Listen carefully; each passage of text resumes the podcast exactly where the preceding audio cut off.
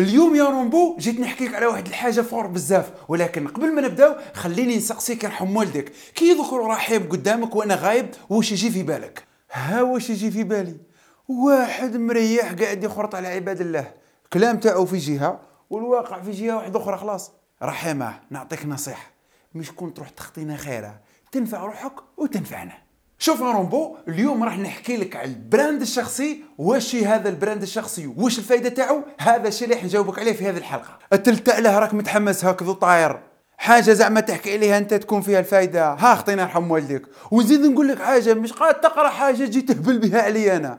ترى الوعد اللي فيه تكفيه. خطيني يا سيدي. أواه رومبو الموضوع تاع اليوم راح يعجبك بزاف خاطر انت أسطورة وحاجة خشينة.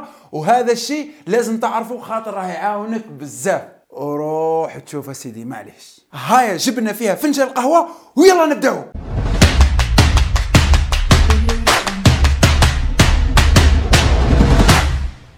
في عام 1997 خرج علينا توم بيترز بمصطلح جديد قلب به الدنيا العلامة الشخصية التجارية. انت درك حاب تهبلني ولا كيفاه حاجة قلنا brand شخصي ولا واش قلنا؟ أودي حاشاك أنت رحيم. أنا اللي قالت قبلت نخدم معاكم في ذا البرنامج.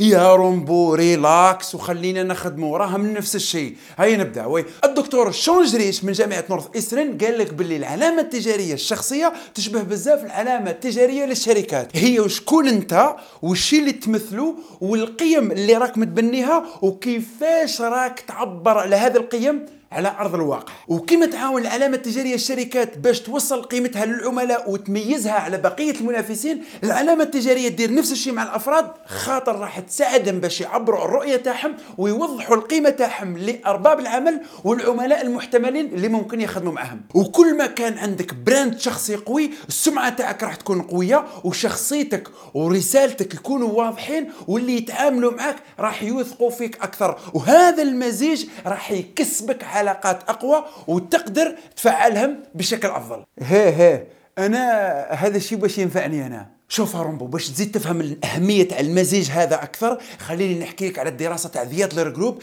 اللي أنا أبهرتني بصراحة. خاطر قال لك 85% من الوظائف اللي توفرها الشركات تتم في السوق المخفي عن طريق شبكة العلاقات فقط.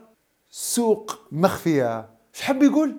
يعني في الوقت اللي انت شاد الحيط وتقول حقروني وما فيهاش اللي عنده brand شخصي قوي راه مش هو اللي يروح الخدمة. الخدمة هي اللي تجي عنده. وكاين حتى للشركات يفتخروا أنهم خدموا معهم فلان وهكذا يا رومبو تكون فهمت معايا علاش اللي ما عندوش brand شخصي قوي راه قاعد يتعب في روحه ويجري من شركة لشركة يحط في les CV ومن موقع لموقع وما هو جايب حتى فايدة. خاطر كيما قلت لك 85% من الوظائف راهم déjà تفتحوا وتحكموا بلا ما يجيب خبرهم أصلا لأنهم تموا فيما يسمى بالسوق المخفي اللي يعتمد على شبكة العلاقات. وبالتالي الحل لازم نلعبوا على brand شخصي أقوى في كل مرة. ونزيدك هذه. حتى وإذا قلت باللي أنا ما يهمنيش نخدم brand شخصي أقوى لأني مانيش مهتم بسوق العمل المخفي. راه رايح يلحقك ال brand الشخصي حتى في السوق العمل المعلن خاطر على حساب الدراسة تاع CareerBuilder قال لك باللي 70% من أرباب العمل يعتمدوا على مواقع التواصل الاجتماعي باش يفيريفيو est-ce que هذو الناس المترشحين للوظائف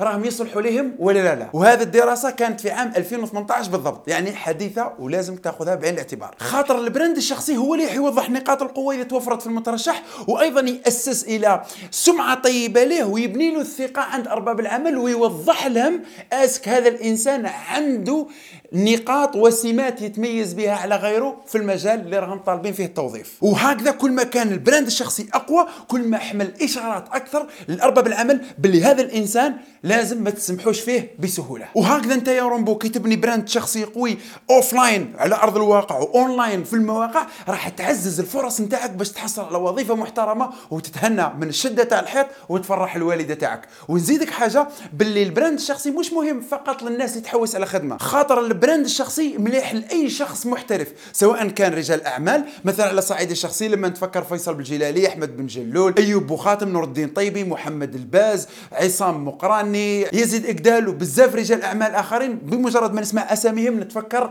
ال business القائم على القيم. يعني رجال أعمال الهوية تاعهم قوية بزاف. وحتى للمؤثرين مثلا كي نسمع سمير بن عيسى مباشرة نتفكر الغذاء الصحي. كي نسمع إسلام نتفكر مباشرة ال électroménager كي نسمع عبد السلام نتفكر تصوير المنتجات. الفايدي نتفكر التصميم. أيوب حميدش نتفكر تصميم ثلاثي الأبعاد. هشام نتفكر مع البرمجة. يوسف شعيب عقبة غربي رامي زموشي عبد الله مالك سارة أيت حمو. وكاع نتفكر معاهم les start-up وحاضنة الأعمال. فتحي بوخرس نتفكر مع البرمجيات كخدمة. سيت كاستيك صناعة المحتوى. وحتى للرياضيين مثلا محرز وحتى الزعماء السياسيين. آه مادام فيها les hommes d'affaires والزعماء اللي كيما نقدر نسمع لك خاطر بيناتنا. أنا كنت خايف نطبق الكلام تاعك انت نولي مهبول كيما انت نهبل على الناس. ها صاحبي باش صارعك الواقع نحكي الواقع. درك نفترضوا باللي تواضعت لك و... وراني نسمع لك زعما. دوك تقدر تقول لي كيفاش ندير فيها؟ brand شخصية قوية.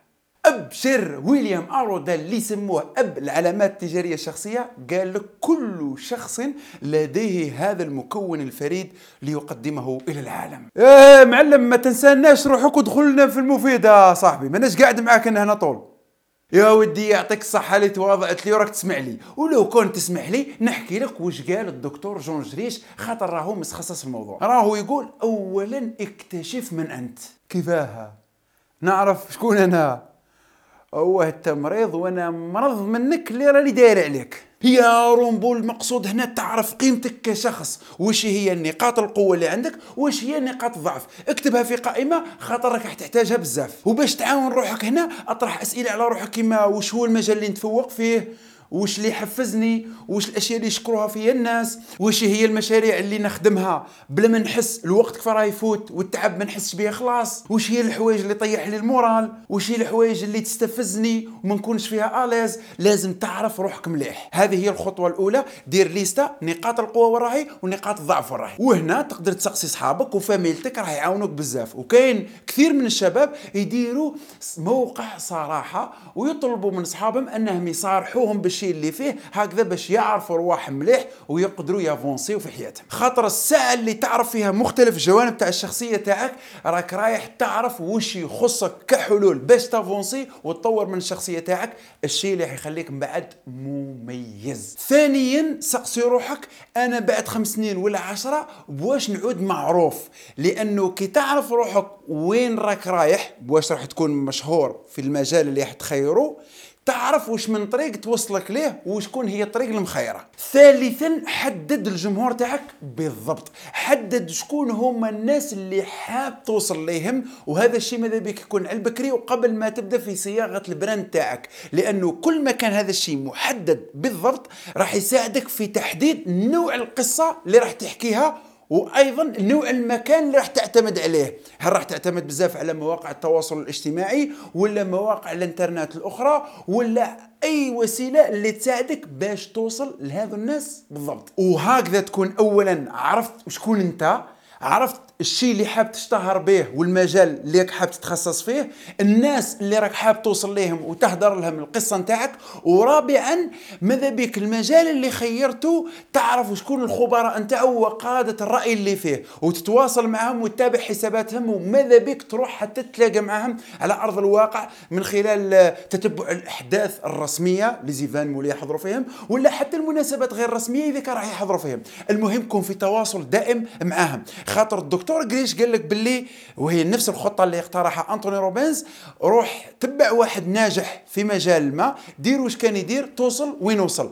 بصح هنا الدكتور جريش قال لك بعد ما تقلد واش راهم يديروا حاول أنك تقدم الأفضل. خامسا وهذه النقطة بالضبط حكيت على جانب كبير منها في النقطة اللي فاتت وهي أنك تتلاقى مع الفاعلين وقادة الرأي على أرض الواقع وتفهم من عدم دير معهم مقابلات إعلامية. وثاني إذا كان إنسان يحوس على وظيفة في شركة محددة ماذا به؟ يروح يدير مقابلة مع واحد من الموظفين يفهم بها العقلية اللي راح تدور. ثم كيفاش راهم يوظفوا كيف راهم يديروا؟ لأن هذا الشيء بقدر ما راح يعطيه معلومات على الشركة اللي هو حاب يتوظف فيها بقدر ما يخلي تخلي له فرصة باش يعبر فيها على ذاته لأنه ممكن هذا الإنسان اللي تلاقى معاه هو اللي من بعد يكون في شبكة العلاقات اللي راح توظفه. سادسا تعلم تقنية حديث المصعد وهذه التقنية بالضبط حكينا عليها في فيديو تاع كيف تقنع مستثمر في دقيقة ماذا بيا تروح تشوفوا خاطر أنا حكيت عليها بالتفصيل. وخلينا نشوف النقطة السابعة اللي توصي على أنه تبقى في تواصل دائم وفعال مع قادة الرأي والخبراء تاع المجال اللي خيرته. وهذه النقطة بالضبط راني حكيت لك عليها مع النقطة رقم أربعة وين قلت لك باللي تحضر les événements وحتى المناسبات غير الرسمية باش تبقى أنت في تواصل offline على أرض الواقع واونلاين مع الناس اللي راهم خبراء في هذا المجال. النقطة الثامنة تقول لك اطلب توصيات من الناس اللي خدمت معاهم خاطر هذه التوصيات راح تعاون بزاف في رسم صورة جيدة وسمعة طيبة وثقة لدى الناس اللي حابين يخدموا معك مستقبلا. تاسعا سجل الحضور تاعك في كل مواقع ومواقع التواصل الاجتماعي اللي يجوهم الناس اللي راك حاب توصل لهم بالضبط. خاطر هذا شيء مهم ومهم للغاية للوصول للناس اللي حاب توصل لهم وعاشرا تفكر باللي العلامة التجارية الشخصية تاعك راه مش اونلاين فقط بل راها offline ثاني يعني حتى على أرض الواقع. ماذا بك؟ القيم اللي راك متبنيها والطريقة اللي راك تجسد بها هذه القيم على أرض الواقع وأنت واش تمثل؟ يكون مجسد على أرض الواقع. لأن العلامة التجارية الشخصية كما راها اونلاين راهي offline وقبل ما نختم هذه الحلقة حاب نقول باللي ال brand الشخصي لا يعني بالضرورة أنك تكون مشهور في كل الأوساط. المطلوب منك أنك تكون معروف في ال niche اللي خيرته عند الناس اللي قلت لازم نوصل لهم حب يقول المحيط اللي أنت خيرته ماذا بك تكون داير اسم فيه. وهكذا يا رومبو مش فقط راح تجيك الخدمة وتسقم لك الأحوال حتى نسيبك راح يرضى عليك. ها الهدرة الزينة. شوف انسيبي إذا راك تشوف هذه الحلقة راني هو ملشي. وراح نكون أقوى brand في هالدنيا. بس تهلا برك. وارضى عليا وباش تزيد تستنفع أكثر راح نخلي لك الرابط تاع ال course المجاني تاع الأخ محمد أبو العينين اللي يشرح فيها ال brand الشخصي بطريقة ممتازة. راح تلقى الرابط تاعو أسفل هذا الفيديو. وصلنا إلى فقرة المسابقة واللي من خلالها راح يستفاد 25 واحد من فرصة الوصول إلى جميع كورسات أكاديمية اعمل Business لمدة شهر كامل. وللمشاركة في هذه المسابقة ما عليك إلا ت partage هذه الحلقة مع أصحابك وتجاوبنا على الأسئلة اللي راح تكون في ال Google Forms اللي يكون مع هذا الفيديو. شكرا جزيلا لأكاديمية اعمل بزنس لتوفير هذه الفرصة لمتابعي برنامج المستشار الاقتصادي وشكرا جزيلا لكم أيضا على دعمكم وعلى مساندتكم وعلى تشجيعاتكم وتعليقاتكم الرائعة وس س س س س سنحيا كراما بحول الله.